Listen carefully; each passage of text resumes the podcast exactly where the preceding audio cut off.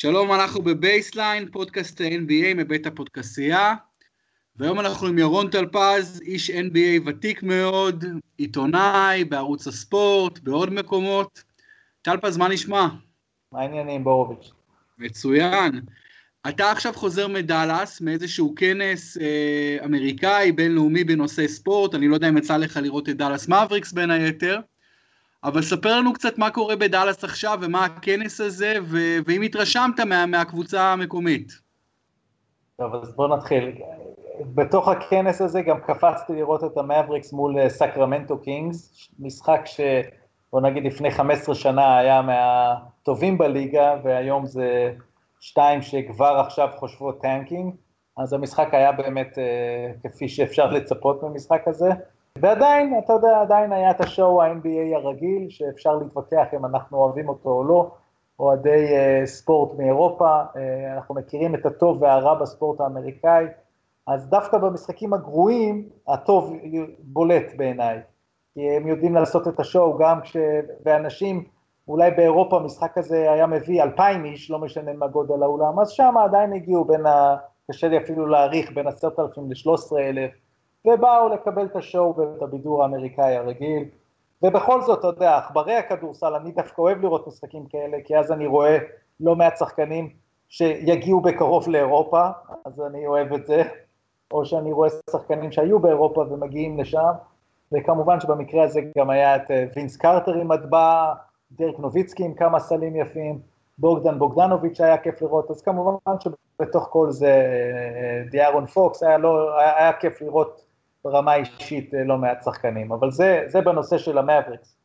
לגבי הכנס, אה, כנס מאוד מעניין, הכי גדול של הספורט האמריקאי, national sports forum, אה, כנס שהתחיל ב-96 עם 30 איש והיום יש בו 1,200, ורוב הקבוצות האמריקאיות, וזה יותר כנס שנוגע לצדדים שגם עסקתי בהם כשעבדתי במכבי תל אביב כדורסל, דווקא הצדדים של הביזנס. שיווק, מכירת כרטיסים, אה, טיפול בתקשורת, בקהל, מה שנקרא fan engagement,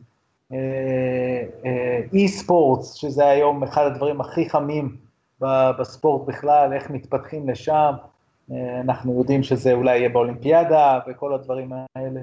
אז, אז להיות חלק מכל הדיונים האלה, שיווק, ספונסרים, היה, היה מאוד מעניין. את מי הצגת שם בכנס, ומה אתה, אתה עושה בימים האלה, ירון? אז uh, באמת uh, עם הכנס הזה היינו עם חברת uh, פיקו, שזה סטארט-אפ שבמקור הוא מחיפה, שלושה חבר'ה שהקימו את החברה הזו, ואני הכרתי אותה כשעבדתי במכבי תל אביב, והם באו להציג את המוצר שלהם.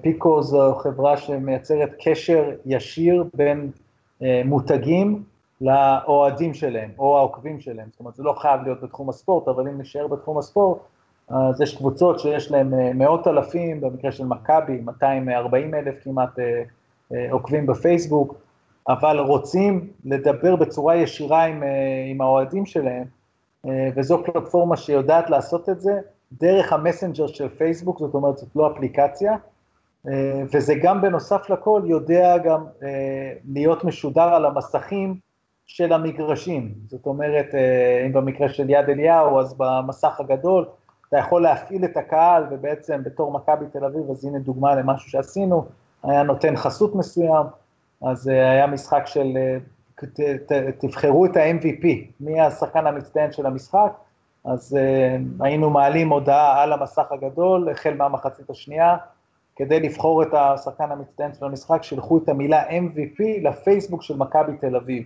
דרך מסנג'ר. ואז אנשים פשוט צריכים, כמו שהם שולחים אחד לשני הודעה, הם כותבים MVP למכבי תל אביב, ואז מיד מתחילה שיחה, סוג של אה, רובוט, בוט בעצם קוראים לזה, כמו צ'טבוט, אה, אבל לא לצורכי שירות לקוחות, אלא לצורכי אה, שיווק, מכירה והנאה לפעולה של קהל. אז במקרה הזה זה היה עם אה, נותן חסות, ובאמת אנשים הצביעו, ואז מראים תוך כדי המגרע, המשחק על המסך, בברייקים, אפשר להראות איזה שחקן מקבל יותר ניקוד, וככה אנשים יותר ויותר מצביעים, אז הנותן החסות הרבה יותר מרוצה. זה כבר לא רק שהוא מופיע על המסכי אה, לדים למטה, או הלוגו שלו מקבל ביטוי, אלא זה הרבה יותר עמוק מזה, ולשם כל עולם הספורט הולך, ו, ואני שמח גם שחברה שהייתי בה, אז בתוך הכנס השתתפנו גם בתחרות של יותר עולם הסטארט-אפים, ההייטק, שמשולב עם ספורט, וזכינו בקטגוריה של, של שותפויות וספונסרים. אז זה עוד דבר מאוד מאוד חשוב ועוד הצלחה לסטארט-אפ ישראלי. אז רגע, אז מבחינת המותגי ספורט, כלומר שאתם נגיד תיתנו להם שירות או נותנים להם שירות, אז קבוצה למעשה היא בהודעת מסנג'ר פשוטה, למה, היא יכולה לשלוח גם ככה, היא יכולה לשלוח לא במסנג'רים לכל האוהדים שלה או כל רשימת הלקוחות שלה, כל מיני מסרים כאלה ואחרים, אה, חדשותיים, שיווקיים, זה, זה הרעיון בעצם? הרעיון הוא שבעצם היום היא לא יכולה לעשות את זה. למה אבל... היא בעצם לא יכולה לעשות את זה? כי נניח אתה עוקב אחרי, תן לי קבוצה באנגליה שאתה עוקב אחריה, נניח. ליברפול? ליברפול. אז ליברפול כרגע, אם אתה, אלא אם, התכת, אם התכתבת עם ליברפול, אז ליברפול יכולה לשלוח לך הודעה, אבל אם לא התכתבת, אז היא בעצם לא מכירה אותך. אפילו אם אתה עוקב אחריה בפייסבוק, אם לא התכתבת איתה במסנג'ר, אז אין את התקשורת הזאת. נכון. ובעצם מה שקבוצות עושות היום, מכבי תל אביב כדורסל אגב, היא כן משתמשת בפיקו, אבל לפני פיקו הדרך היחידה שלה לתקשר עם אוהדים זה או ניוזלטרים, אז רק מי שמנוי ומסכים לקבל את הניוזלטרים, או טקסטים, זאת אומרת אם יש למכבי את ה... בבנק של ה... אתה יודע, ב database, את המספרי טלפון הסלולריים, אז יכולה לשלוח אה, טקסטים במסה, אבל אז זה לא תקשורת דו-כיוונית, רק היא מוציאה הודעה ואי אפשר לחזור. אז בעולם של המסנג'ר זה כן דו-כיווני, וזה יכול להיות משולב עם, עם תמונות ועם אה, כל מה שאתה רוצה, ואלמנטים אה, משחקיים, אז אה, יש בזה אלמנט הרבה יותר מעניין. כמובן שזה גם לא עולה לקבוצה, ומה שאמרתי לך, גם שליחת מיילים במסה וגם שליחת טקסטים זה דברים שעולים, במקרה הזה זה, זה סיפור אחר, וזה גם באמת מוביל לעוד עניין של, של יתרון בשימוש בכלי הזה, וזה מה שנקרא דאטה. אתה בעצם מחזיק ומייצר בשביל קבוצות, ותחשוב, ליברפול עם המסת אוהדים שיש לה בכל העולם, יכולה לקבל דאטה ולדעת עליך ולדעת, ושוב, אני לא מדבר פה על חדירה לפרטיות, זה פשוט היא מקבלת את ה username שלך בפייסבוק, וכמובן שבכל רגע אתה יכול אה, להסיר את עצמך מהרשימה הזאת, אבל ברגע שהיא עולה לאיזה, יש לה איזשהו משחק, היא עולה שלב באירופה נניח, היא רוצה להודיע באיזה שעה היא מוכרת כרטיסים, אה, לשחרר וידאו, ובעצם כל הדברים שאמרת לפני שנייה, ברגע שאתה מתחיל להתכתב איתה, ויש לך, יש לה שליטה מלאה באמצעות המערכת שלנו.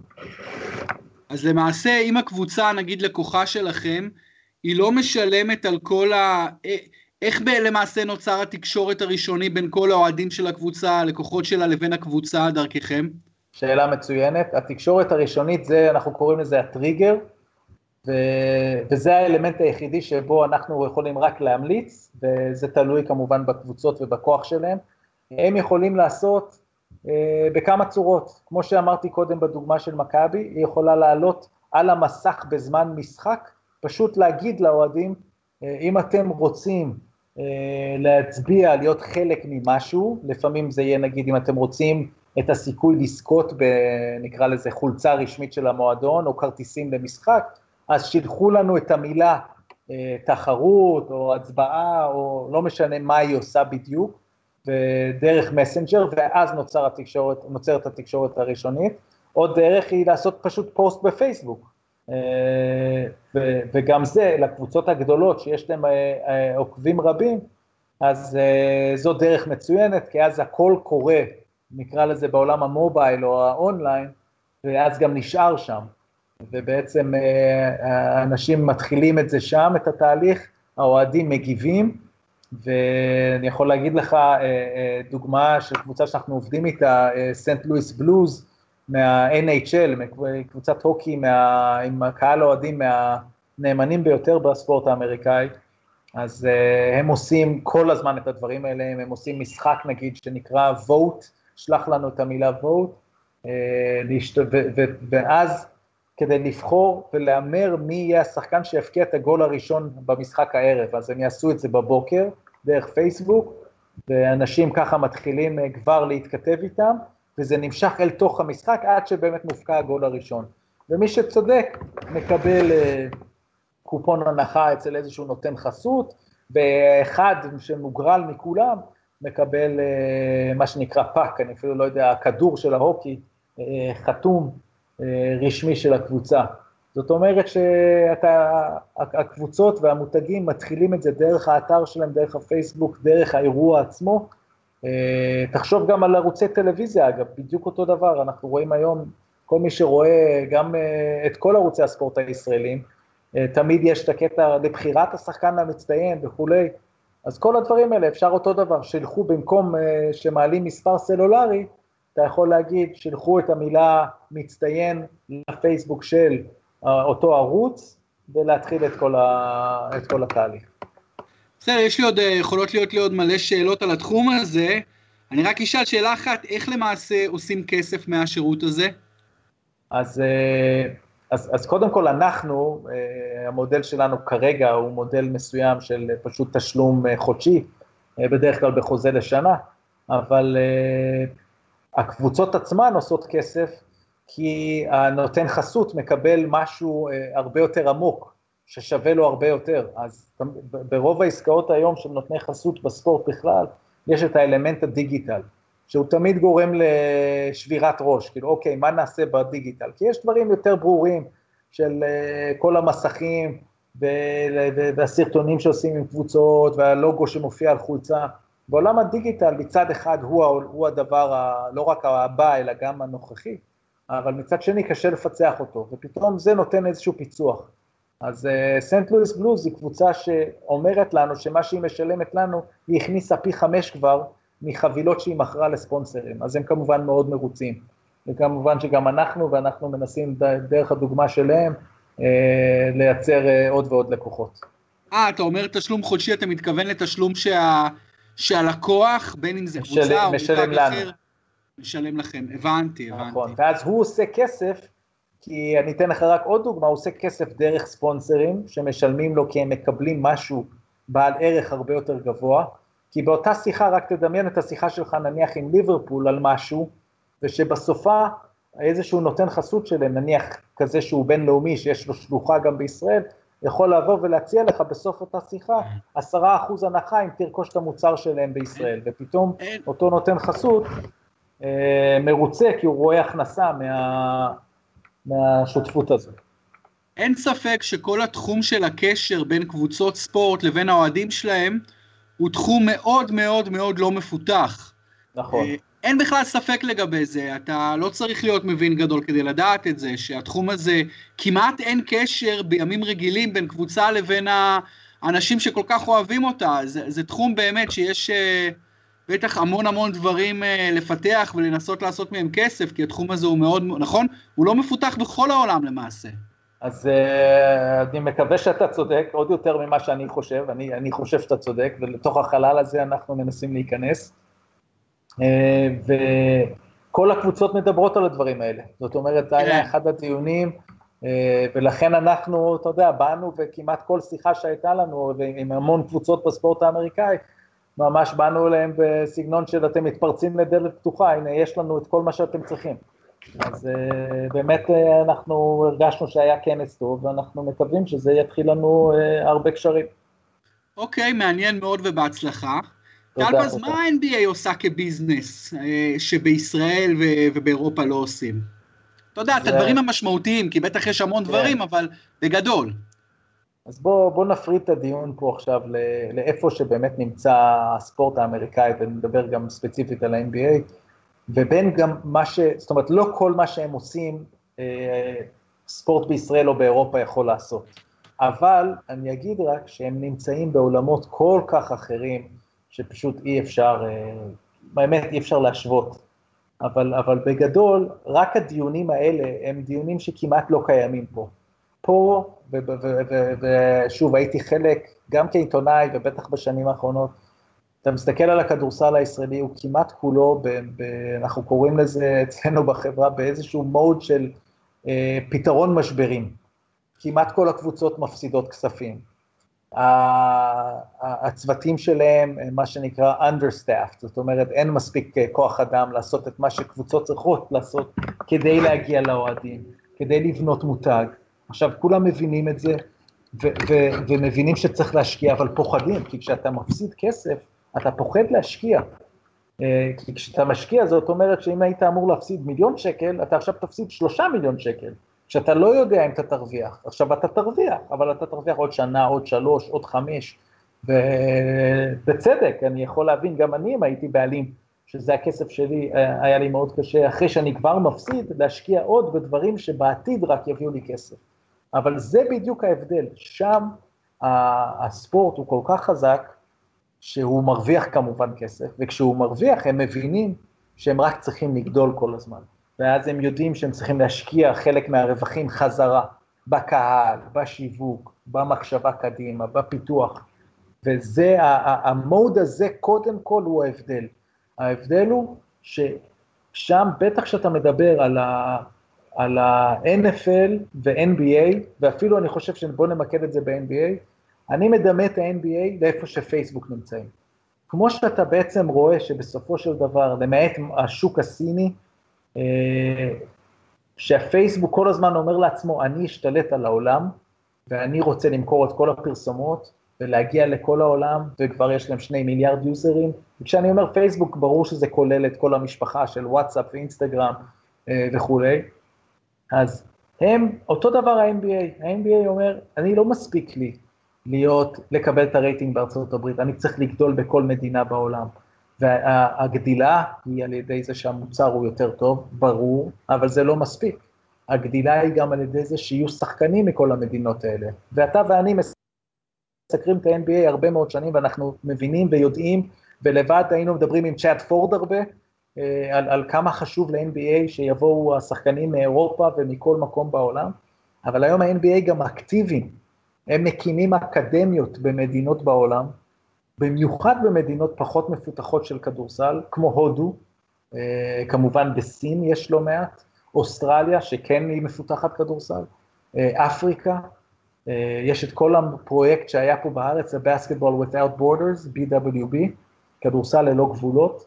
זאת אומרת, ה-NBA, כשאתה שואל את השאלה הזאת, אנחנו, אני יכול לענות לך חצי שעה ברצף את כמות הדברים שה-NBA עושה, שאף אחד פה לא חושב בכלל. אתה רואה מצב, ירון, שה-NBA תהיה גדולה יותר כלכלית מה-NFL, שהיא תהיה בעצם הליגה הכי גדולה בעולם מבחינת ביזנס? אה, אני חושב שכן. זאת אומרת, אני לא רואה את ה-NBA עובר את ה-NFL בארצות הברית, מבחינת ה...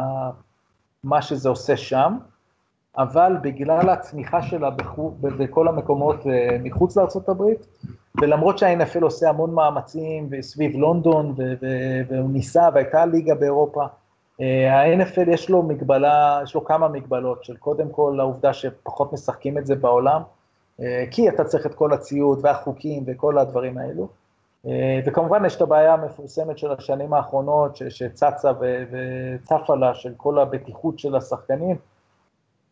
אז אני, אני רואה את ה-NFL בפגיעה מסוימת בתחומים האלה, ואת ה-NBA בצמיחה שנמשכת כל הזמן, כי המוצר בשיאו, אה, כמות השחקנים המדהימים, ראינו רק עכשיו סוף שבוע אולסטאר אדיר, שהציג כל כך הרבה שחקנים, אה, ומה שאמרתי לך קודם, שאני חושב שזה הדבר הכי חשוב שה-NBA עושה, והוא כמעט לא מדובר, וזה אותן אה, אקדמיות וה-Basketball Without Borders, כי זה הולך לשים שחקן מהודו בליגה הזאת. וזה ייקח חמש שנים, אבל, אבל יהיה שחקן מהודו, ויהיו עוד פעם מסין אה, שחקנים דומיננטיים. וברגע שזה יקרה ושזה יהיה רגיל, אתה מתעסק כבר בשווקים אדירים, וה-NBA פשוט יעקוף בגלובל, בגלל זה אני משווה את זה לפייסבוק, כי זה מין חיה שטורפת, כמו שפייסבוק קיים, ולא מעט עסקים, אתה יודע, נסגרו, לא מעט אתרים, אפילו די גדולים בכל מיני מדינות נסגרים, כי הם לא מצליחים למכור פרסומות, כי פייסבוק אה, זה הכלי הכי חזק, הוא הכלי הכי חזק כמעט בכל מדינה, ויש לו גם את המערכת אה, שמוכרת פרסומות הכי טוב. אז פשוט אה, אתרים אחרים לא מחזיקים מעמד. אז אני חושב שבאיזשהו מקום ה-NBA לא רוצה, הוא לא רוצה להילחם בכדורסל המקומי, אבל זה יקרה לפעמים. ו... ועזוב שנייה אם הוא ינצח את הכדורסל המקומי, כן או לא, אבל הוא בטח יתפתח בהמון מדינות שאין כמעט כדורסל מקומי, ואז מבחינתו זה פתיחה של שוק חדש. אחד הדברים שהפכו את הפרמייר ליג לאימפריה כלכלית, זה העובדה שהליגה הזו, למרות שהיא משוחקת אה, רק באנגליה, היא מוכרת זכויות שידור במאות מיליונים, אולי אפילו יותר מזה, מיליארדים ברחבי העולם. ה-NBA בשנים האחרונות, מההיכרות שלך, טל פז, היא מוכרת זכויות שידור בעולם, מחוץ לאמריקה, בהרבה מאוד כסף? איך הגדילה שלה בתחום הזה? חד, חד משמעית התשובה היא כן. Uh, עכשיו, הפרמייר ליג זה אותו דבר, אבל מה שאתה אומר, אתה כבר, אתה אומר איך מתרגמים את המוצר המצוין הזה לכסף. והליגה האנגלית היא, היא, זה מוצר מצוין כל השנים, שברגע שנוצרה הפרמייר ליג, הם הבינו את זה מהר, הם הבינו את היוקרה של הליגה הזו, שכמה כיף לראות את הכדורגל האנגלי, וידעו לתרגם את זה למכירות שאתה מדבר עליהן.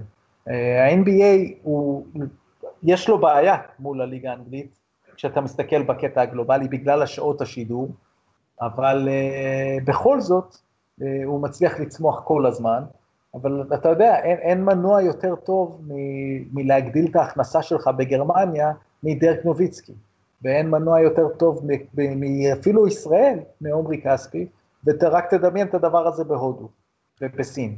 זאת אומרת שא' זה קורה, וב' זה רק יקרה יותר ויותר ככל שעוד ועוד שחקנים אה, בינלאומיים יגיעו.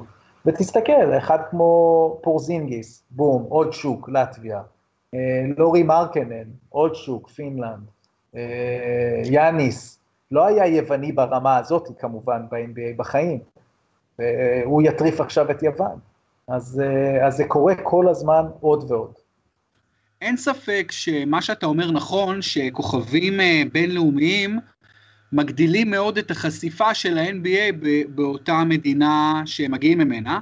אותי בכל זאת היה מעניין לדעת האם ה-NBA מאז עומרי כספי בעשור האחרון מרוויחה יותר כסף מזכויות שידור בישראל וממכירת מרצ'נדייז בישראל, בישראל מאשר מקודם ובכמה אחוזים, ו- ואותו דבר במדינות אחרות. אה, אני, אני סתם איזשהו ניחוש שלי, אני חושב שההבדלים לא, לא משמעותיים יותר מדי, אולי ביוון הם קצת יותר משמעותיים, אבל בסופו של דבר ה-NBA באמת כדי לכבוש את העולם כלכלית היא תצטרך למכור הרבה מאוד מרצ'נדייז בסין, בהודו, באימפריות, באסיה, אתה יודע, במדינות עם המון המון אנשים וכלכלות מתפתחות, קוריאה, וזה באמת מעניין עד כמה ה-NBA תצליח אה, לגדול שם, מן הסתם יאו מינג היה שווה לה הרבה מאוד כסף.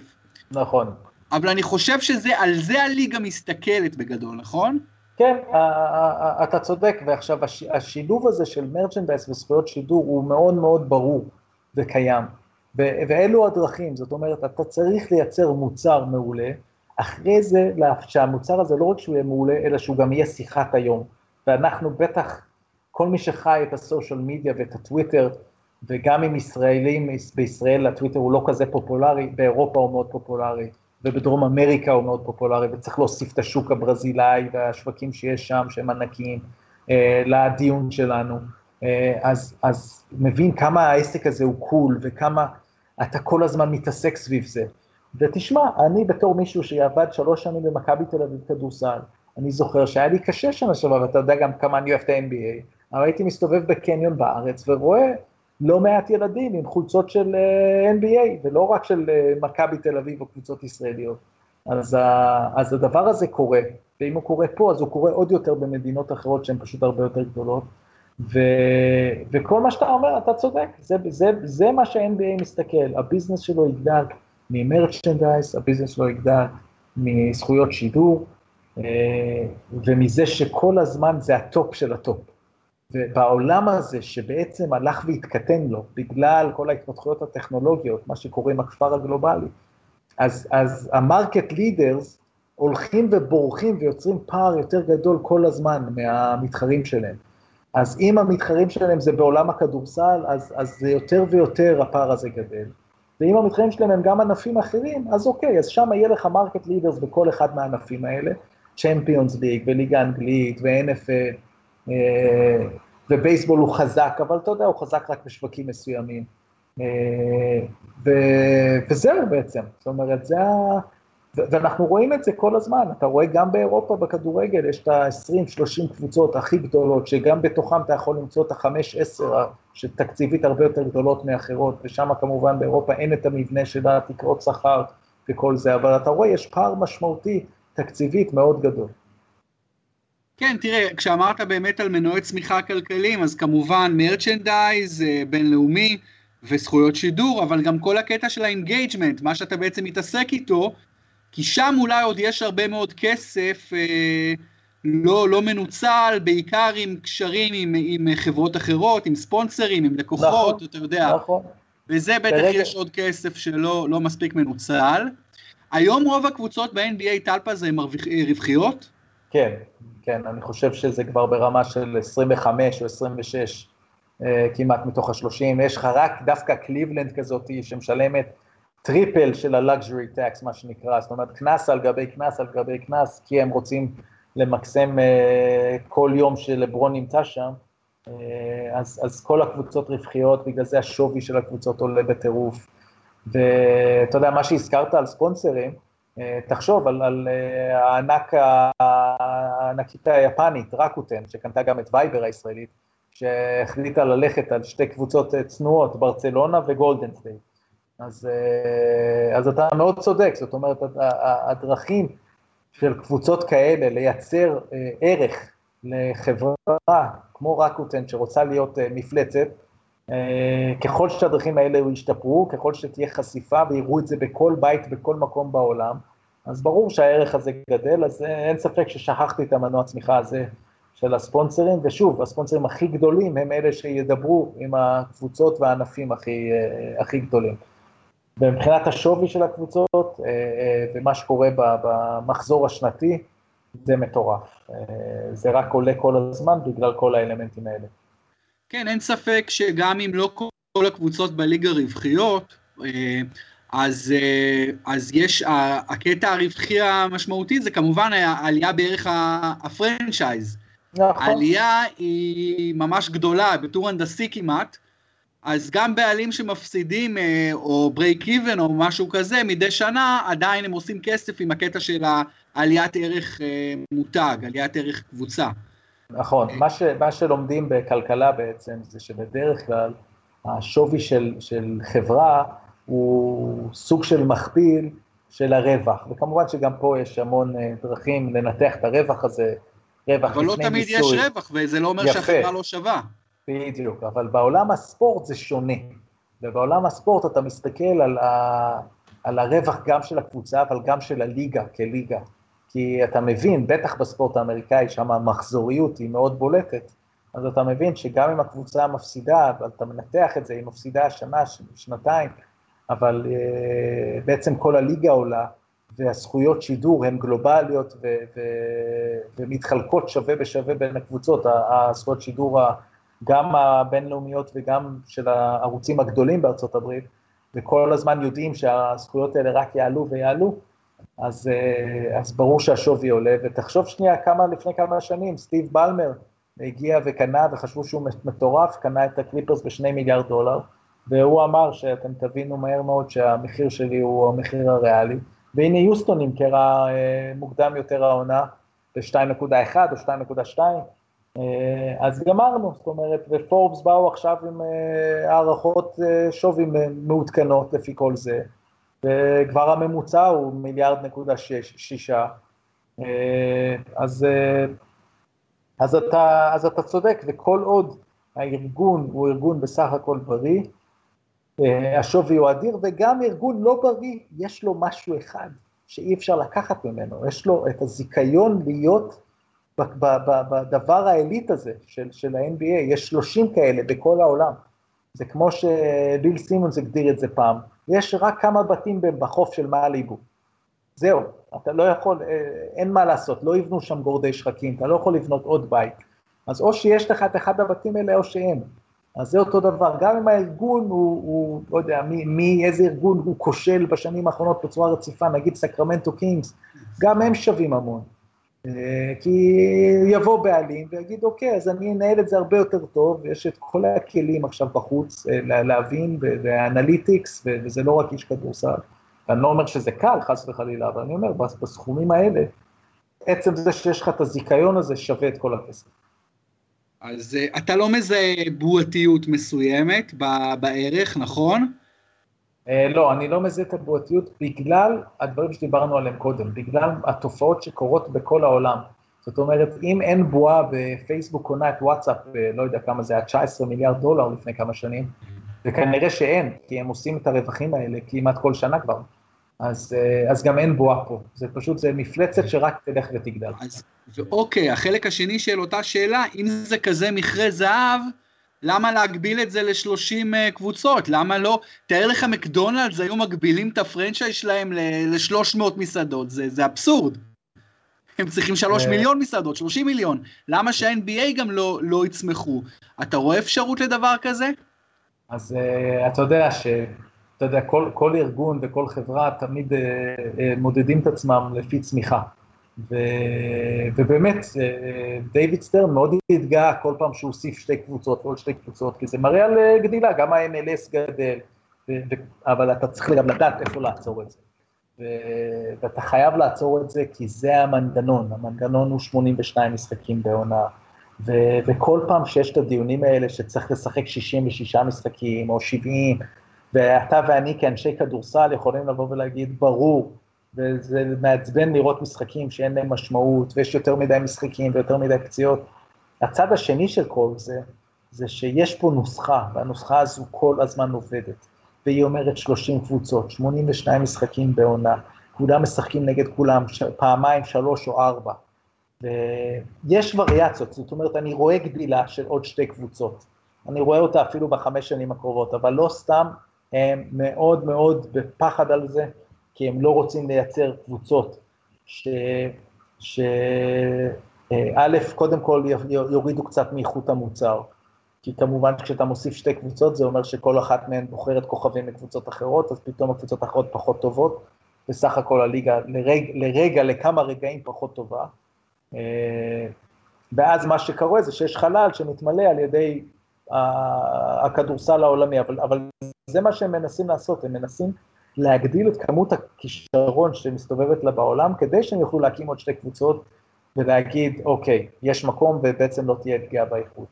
אז, אה, אה, אז, אז הדיון הזה הוא כזה, אבל, אבל הם לא יחשבו במונחים של מקדונלדס, כי מקדונלדס הוא, הוא, הוא ביזנס שקם על זה שהוא מגיע לכל מקום בעולם, וכאן אתה מדבר על מוצר פרימיום, ומוצר פרימיום חייב לשמור על היוקרה שלו ועל הבלעדיות שלו ועל זה שהוא אתה נוגע בו, אבל אף פעם אין לך מספיק ממנו.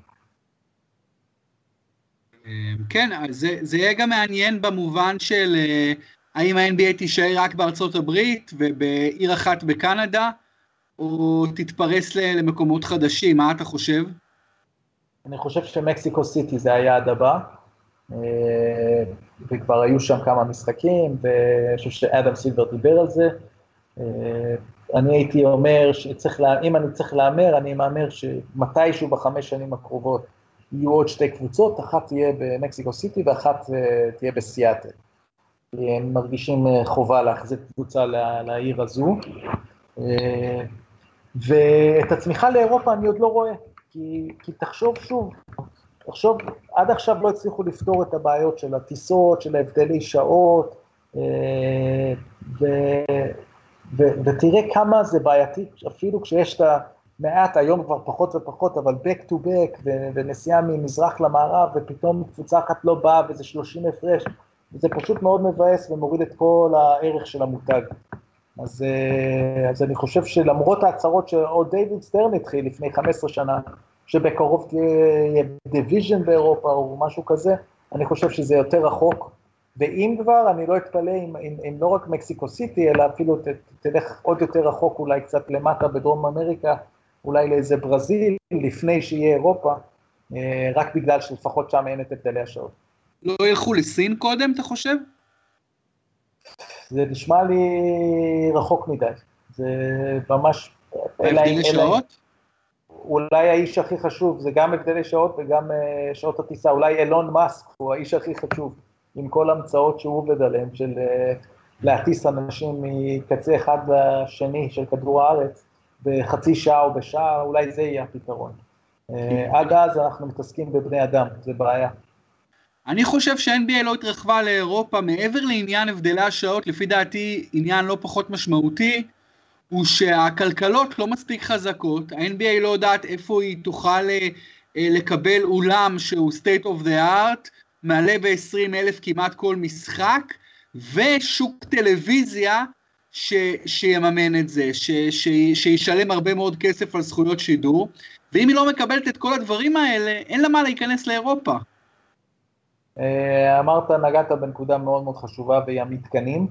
אה, אנשים לא מבינים את זה כל כך, אה, מי שגר בארץ, ולא שוחה בתוך הביזנס של הספורט, המתקנים האלה, כל פעם שמייצרים מתקן חדש, זה מגדיל הכנסה ב-10, 20, 30 אחוז, על ידי התאים, על ידי החנייה, מאוכל, מהפעלות, יותר אנשים באים, וזה אגב מאוד בולט בהוקי ובבייסבול, כי הם מייצרים מתקנים שיש בהם ממש גם קניון וגם לונה פארק, אז, אז בעצם המשפחה באה לבילוי.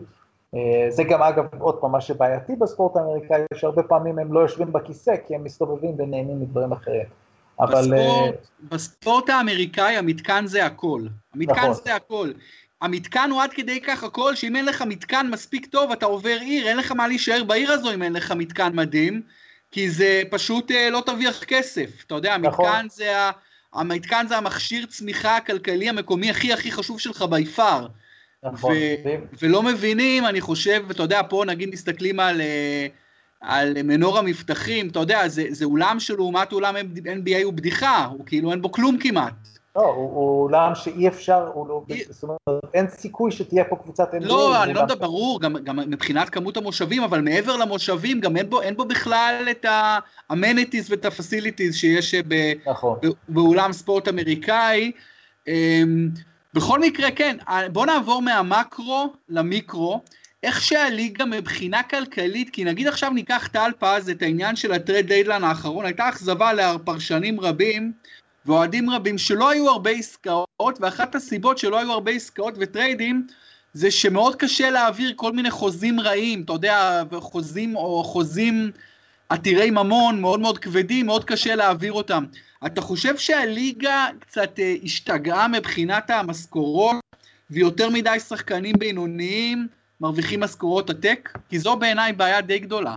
אין ספק, והבעיה הזו היא, אני חושב שהיא תתאזן, אבל רק עוד איזה שנתיים, שלוש.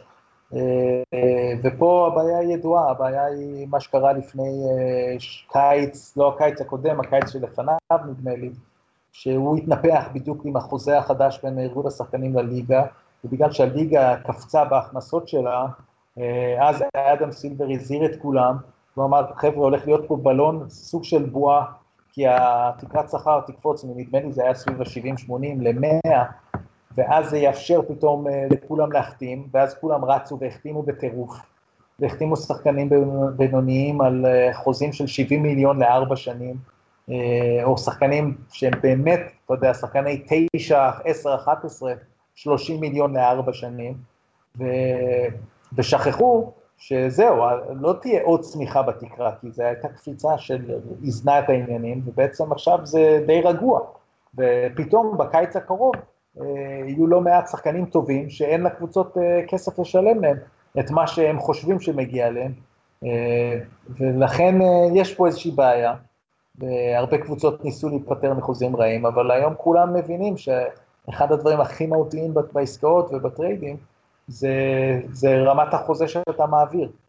אה, והרבה פעמים, נגיד, כל הזמן שהיה את הדיון שיוסטון נניח רצתה להעביר את ריין אנדרסון, שהוא חוזה רע, כי הוא 20 מיליון לשנה, והוא שחקן טוב, והוא חשוב לשיטה שלהם, אבל הוא בטח לא שווה את הסכום הזה.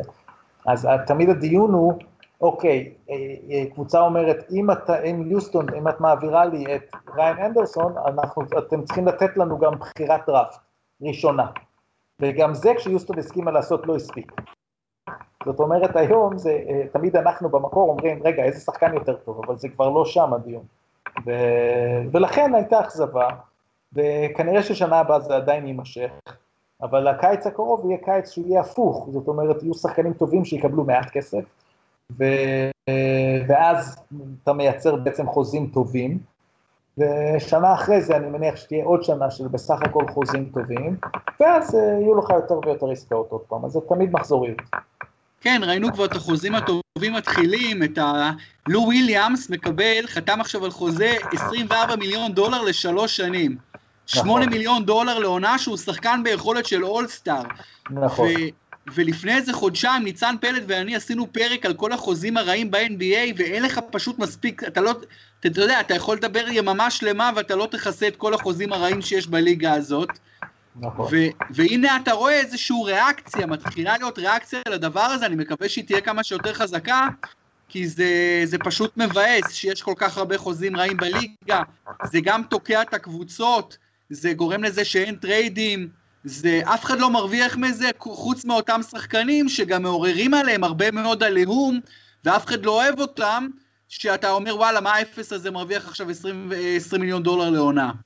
כן, אז, אה, אז, אז זה נכון, והשחקנים וכמובן הסוכנים שלהם אה, נהנים מאוד מהמצב הזה, והתיקון, אה, כמו שאתה אומר, קורה, ויקרה עוד יותר, וזהו, וזה יתוקן, אז אתה יודע, זה משהו שהוא מחזורי, כמובן שתמיד יהיו חוזים רעים, ותמיד, בגלל שאנחנו מתעסקים, וזה היופי של הספורט והעיסוק בבני אדם, אז תמיד יש הערכות, ועם כל המודלים ועם כל האנליטיקס, אה, אז אה, עדיין יש נפילות, אבל בגדול אה, המגמה הזו תשתנה, ואנחנו נראה יותר ויותר חוזים נורמליים.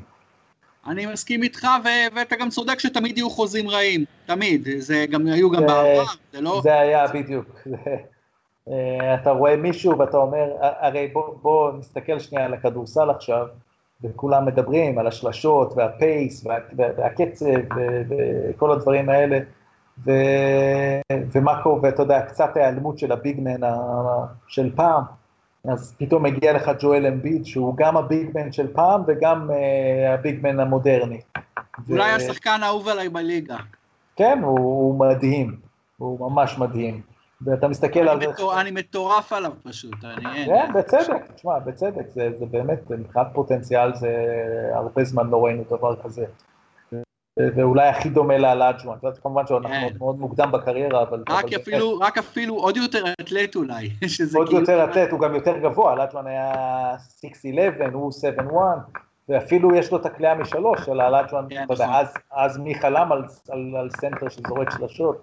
אה, חוץ אולי מסיקמה וביל לאימביר, אבל, אה, אבל אה, אתה מסתכל גם על מי שהולך לצאת מהקולג'ים, כמה מה, מהצעירים שהם גבוהים, אז אתה יודע, יבוא פתאום ה big man, שקצת יחזיר עניינים לפעם, זה גם עניין של מחזוריות, אבל עדיין ידע כמו אמביד לקלוע מבחוץ, ומי שיתפוס את זה ויעשה שם חוזה, אז ירוויח, ואז יהיו כאלה שיאמרו על איזה ביגמן והוא יהיה כבד, ואז הוא יהיה, אתה יודע, אז תמיד תמיד יהיה לך את החוזים, או נגיד היום משלמים הכי הרבה לווינגס האלה, שעושים הכל, ושלשות וידיים ארוכות, ופתאום אה, הכדורסל טיפ-טיפה ישתנה ותהיה איזושהי מגמה, וזה תמיד לוקח כמה שנים לזהות את המגמות החדשות, ובזמן הזה הרבה מאוד חוזים רעים משתנים. אני מסכים איתך, גם המגמות האלה שמדברים עליהן, אתה יודע, חלק מהמגמות אה, נשארות, חלק, אה, חלק נחלשות, אין ספק אבל שהיום הדרישה לקלוע שלשות היא דרישה אה, מהרבה יותר שחקנים מאשר בעבר. מה, אה, זה, זה מגיע לרמה של אה, קבוצות מרגישות חנוכות אם יש להם רק ארבעה קלי שלוש. נכון, נכון, אומרת, אין ספק. הן רוצות חמש, חמישה. אבל אני אגיד לך, סתם דוגמה קטנה, נגיד שחקן שאני מאוד אוהב, דמאר דרוזן בטורונטו, שאחד הדברים שכל כך גרמו לי לאהוב אותו, זה שהוא לא זורק שלשות. נכון. שהוא שחקן old school כזה, אתה יודע, שחקן של הגטו, שקודם כל נכנס לסל, עושה את הג'אמפרים האלה מחצי מרחק, את ה fade away. אתה יודע, שחקן מאוד מיומן, בלי שלשות.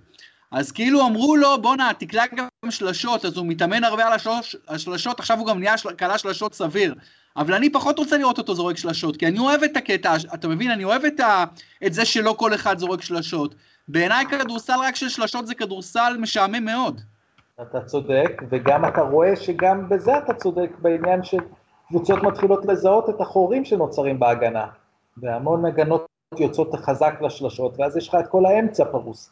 ודווקא יוסטון, שהיא מחלוצות כל הטרנד הזה, אה, עם דריל מורי, אז לא פחדו להביא את קריס פול, שהוא גם קלעי שלשות טוב, אבל בעיקר הוא mid range מעולה, והנה, יש לו רישיון, ובהתחלה כשהוא הגיע חשבו, מה, ייתנו לו לזרוק mid range, יוסטון הייתה זו שזרקה הכי מעט mid range, והנה הוא זורק המון mid range והוא קולע אותם, ו... אז, אז, אז אתה יודע, זה טרנדים. אז uh, אם שנה שעברה סן אנטוניו ששיחקה בפלייאוף מול יוסטון, היא בעצם אמרה ליוסטון, בואו, זרקו mid range ולא כל כך היה מי שיעשה את זה.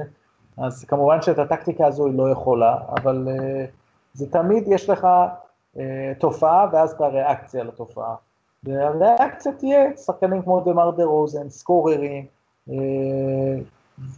וה mid range יחזור, הכל, הכל כל הזמן יהיה שם, אבל לא יעזור כלום, מתמטית הוכח שהשלשה שווה הרבה, ולכן זה לא משהו שיעלה. השלשה שווה הרבה, נכון, אבל אה, מייקל ג'ורדן כמעט לא זרק שלשות, אה, מג'יק לא זרק שלשות, אה, כן. כרים לא זרק שלשות, אתה יודע, והשלשה הייתה קיימת גם אז, נכון שהיום היא הרבה יותר נפוצה, ואני מבין למה, בצדק, כי באמת זה הגיע לרמה שבאמת שחקנים, הרבה יותר שחקנים יש להם היום יד טובה. אבל כמו שאתה אומר, זה לא יהיה רק כדורסל של שלשות, בסוף צריך לשחק כדורסל נכון, וצריך execution. צריך את השילוב בין שני, שני הדברים האלה.